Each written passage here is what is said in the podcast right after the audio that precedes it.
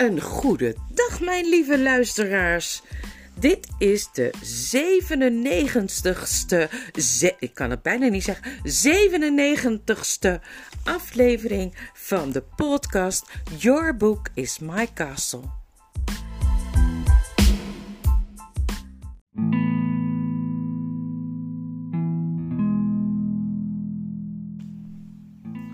Mijn waarde paard toch, zei Tirian, terwijl hij snel de touwen lossneed. Hoe hebben die buitenlanders u tot hun slaaf kunnen maken? Is Narnia soms veroverd? Is er soms een veldslag geweest? Nee, sire, hijgde het paard. Aslan is hier. Het gebeurt allemaal in opdracht van hem. Hij heeft bevolen. Pas op, gevaar, koning, zei Juweel. Tirian keek op en zag dat er van alle kanten kalormeners met een paar sprekende dieren ertussen op hen af kwamen rennen. De dode mannen waren allebei zonder een kik te geven gestorven, zodat het even geduurd had voordat de rest van de menigte begreep wat er was gebeurd. Maar nu zagen ze het. De meesten hielden een getrokken kromzwaard in hun hand. Vlug, op mijn rug, zei Juweel. De koning sprong schrijlings op zijn oude vriend, die zich omdraaide en weggalopeerde. Zodra ze uit het zicht van hun vijanden waren, veranderde Juweel twee of drie keer van richting, stak een beek over en liep zonder ze pas in te houden. Waarheen, sire? Kerpervel?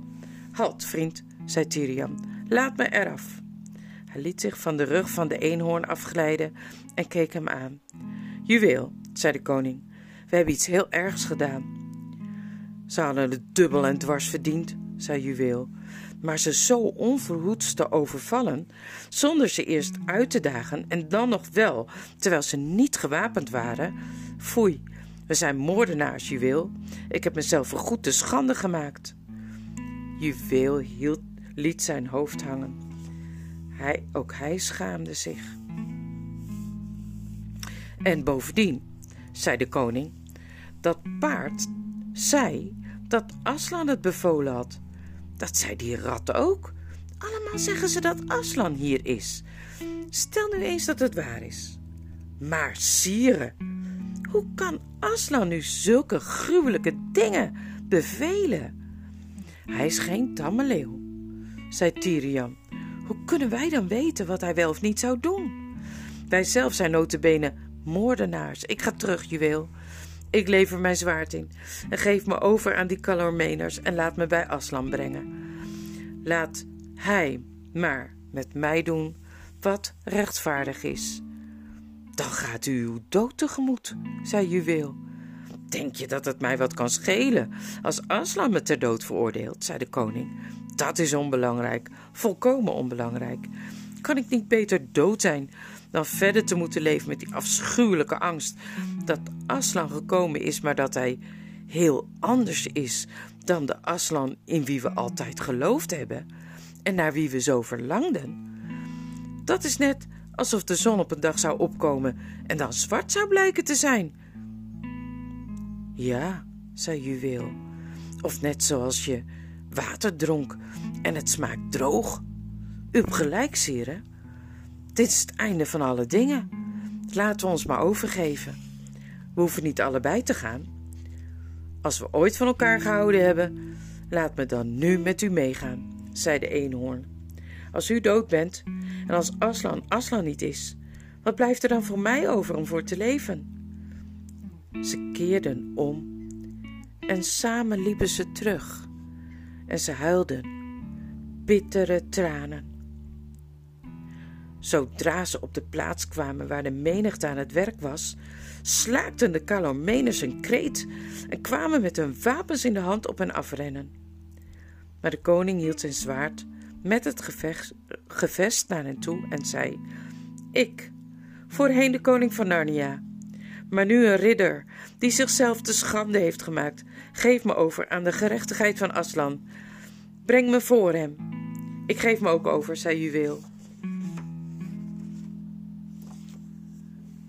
Toen drongen die donkere mannen in het dichte drom om hen heen. Ze roken naar uien en knoflook en hun witte ogen flikkerden vervaarlijk in hun bruine gezichten. Ze bonden een halster van touw om juweels nek.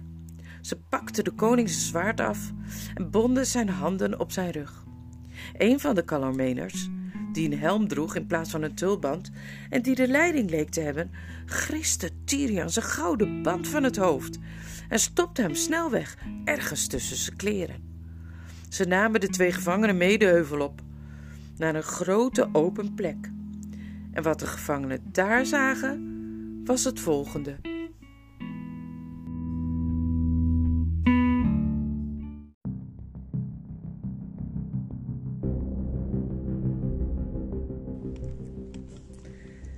Midden op de open plek op het topje van de heuvel stond een hutje met een strooien dak, dat op een stal leek.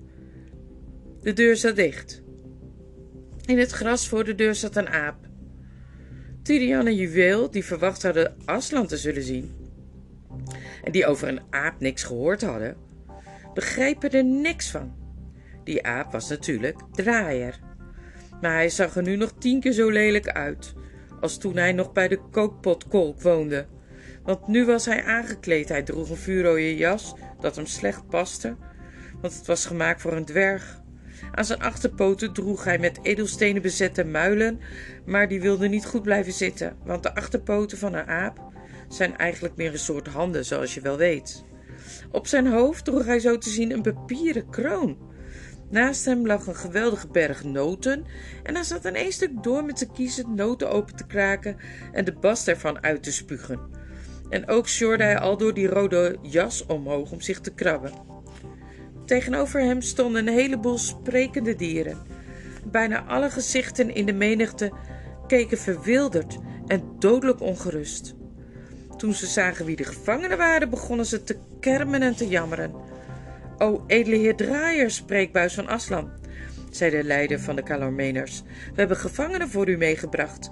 Door onze moed en slimheid en door de goedgunstigheid van de grote god Tash hebben we deze twee gewetenloze moordenaars levend weten te vangen.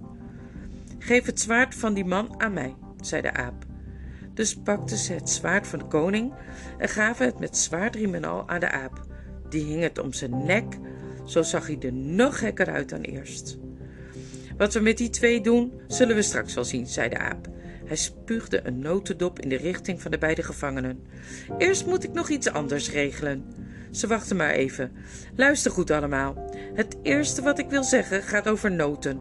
Waar is die hoofdeekhoorn nou? Hier, meneer, zei een rode eekhoorn. En hij kwam naar voren en maakte zenuwachtig een buigingje. Oh, echt, zei de aap met een gezicht dat weinig goeds voorspelde. Nou, luister goed. Ik wil, ik bedoel, Aslan wil, nog meer noten. Het zijn er lang niet genoeg die je gebracht hebt. Je moet er nog meer brengen. Is dat duidelijk? Nog twee keer zoveel. En ze moeten hier morgenavond bij zonsondergang zijn. Er mogen geen slechte bij zijn of kleine. Er ging een verslagen gemompel door de rest van de groep eekhoorns.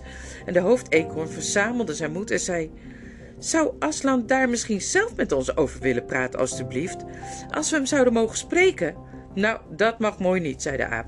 Misschien wil hij wel zo goed zijn, hoewel de meesten van jullie het niet verdienen, om vanavond een paar minuten naar buiten te komen. Dan kunnen jullie allemaal naar hem kijken, maar hij wil niet dat jullie allemaal om hem heen komen staan en hem aan zijn kop zeuren met allerlei vragen. Alles wat jullie hem te zeggen hebben, geef ik aan hem door als ik het tenminste belangrijk genoeg vind om hem er, ermee lastig te vallen. Intussen kunnen jullie, eekhoorns, beter vast voor die noten gaan zorgen. En denk erom dat ze hier voor morgenavond zijn, anders zwaait er wat. Dat beloof ik je. De arme eekhoorns maakten zich allemaal uit de voeten, alsof ze door een hond achterna gezeten werden. Dit laatste bevel was heel slecht nieuws voor ze. De noten die ze met veel zorg voor de winter verzameld hadden, waren al bijna allemaal op. En van het beetje dat er over was, hadden ze de aap al veel meer gegeven dan ze konden missen. Op dat moment klonk er uit een andere hoek van de menigte een diepe stem.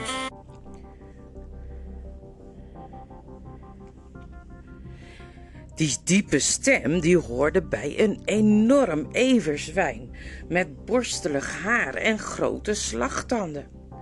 Maar waarom mogen we niet gewoon naar Aslan kijken en met hem praten? zei hij. Vroeger mocht iedereen gewoon zelf met hem praten als hij in Narnia was. Geloof dat me niet, zei de aap. Zelfs al was het zo, de tijden zijn veranderd. Aslan zegt dat hij altijd veel te goed voor jullie is geweest, begrijp je wel? Nou, dat is hij dus nu niet meer van plan. Deze keer gaat hij jullie streng aanpakken. Hij zal jullie leren. Dat, denk, dat denkt maar dat hij een tamme leeuw is. Onder de dieren klonk een zacht geklaag en gejammer. Daarna viel er een diepe stilte, waaruit nog duidelijker hun ellende sprak. Dan is er nog iets dat jullie in je oren moet knopen, zei de aap. Ik hoor dat sommigen van jullie zeggen dat ik een aap ben. Nou, dat is niet zo. Ik ben een mens. Als ik er soms uitzie als een aap, dan komt dat doordat ik al zo verschrikkelijk oud ben. Honderden, honderden jaren oud. En omdat ik zo oud ben, ben ik zo wijs. En omdat ik zo wijs ben, ben ik de enige tegen wie Aslan ooit nog van plan is te praten. Hij heeft geen zin om met zo'n stelletje domme beesten te praten. Hij zegt tegen mij wat jullie moeten doen. En dan vertel ik het weer aan jullie. En laat me jullie een goede raad geven. Pas maar op dat je het als de gesmeerde bliksem doet. Want hij is niet van plan met zich te laten zollen. Het was doodstil. Afgezien van het huilen van een heel jong dasje en van de pogingen van zijn moeder om hem stil te krijgen. Dan is er nog iets, ging de aap verder. En hij stak een nieuwe noot in zijn wang. Ik hoor dat sommige van de paarden zeggen: laten we snel doorwerken. Dan hebben we die klus van dat voort houtslepers zo snel mogelijk achter de rug en dan zijn we weer vrij. Nou, dat kun je meteen wel uit je hoofd zetten. En dat geldt niet alleen voor de paarden trouwens. In de toekomst wordt iedereen die kan werken verplicht om te werken. Aslan heeft het allemaal al geregeld met de koning van Kalormen, de Tisrok, zoals onze donkerhuidige vrienden de Calormenes hem noemen. Jullie, paarden, stieren, ezels, zullen allemaal naar Calormen gestuurd worden om te werken voor de kost. Trekken, sjouwen, net als paarden. En dat soort dieren in de andere landen moeten doen. En jullie, gravende dieren zoals mollen, konijnen, dwergen, gaan erheen om in de mijnen van de Tisrok te werken. En nee, huilden de dieren, dat bestaat niet. Aslan zou ons nooit als slaven aan de koning van Kalorme verkopen. Ophouden, koppen dicht, snauwde de aap. Wie heeft het nou over slavernij? Jullie gaan niet als slaven. Jullie krijgen ervoor betaald. En er nog een goed loon ook. Dat wil zeggen, jullie loon gaat in Aslans schatkist en dan gebruikt hij het tot nut van iedereen. Daarbij wierp hij een blik, het was bijna een knipoog, in de richting van de leider van de Kalomeners. De Kalomener boog en antwoordde op de hoogdravende Kalomeense manier. Zeer wijze spreekbuis van Aslan. Dis, de Tisrok, eeuwig mogen hij leven, is het over dit schrandere plan volkomen met u edele eens. Oh, zo, zie je nou wel, zei de aap. Het is allemaal afgesproken.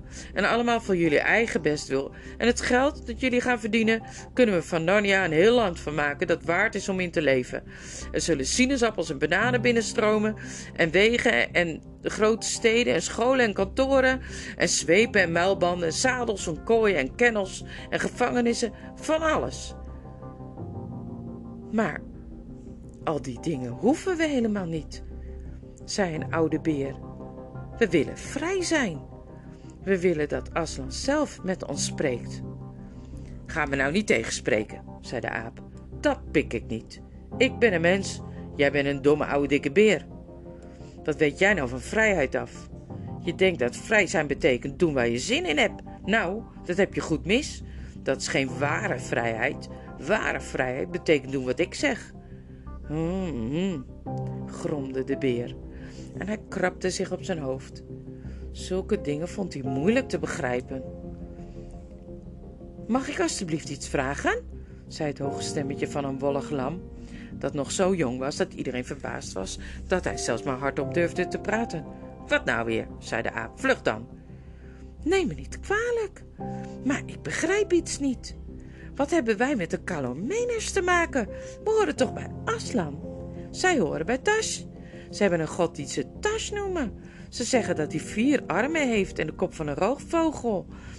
Op zijn altaar doden ze mensen. Ik geloof er niks van dat Tash bestaat. Maar als hij wel bestond, hoe zou Aslan dan vrienden met hem kunnen zijn? Alle dieren hielden hun hoofd scheef en hun heldere ogen flitsten naar de aap. Ze wisten dat dit de beste vraag was die iemand gesteld had. De aap sprong overeind en spuugde naar het lam. Baby, siste hij, stom klein blatertje, ga naar huis, naar je moeder. Melk drinken, wat begrijp jij nou van dit soort dingen? Maar tegen de rest van jullie zeg ik dit. Tash is alleen maar een andere naam voor Aslan.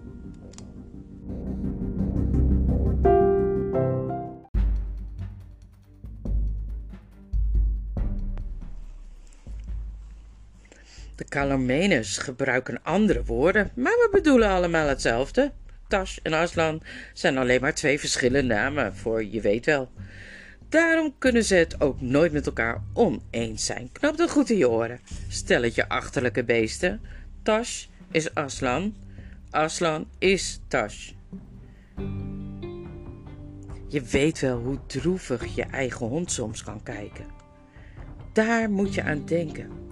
Dan moet je je voorstellen dat alle gezichten van die sprekende dieren, al die eerlijke, bescheiden vogels, beren, konijnen, mollen, muizen, die helemaal in de war waren, nog veel droeviger keken.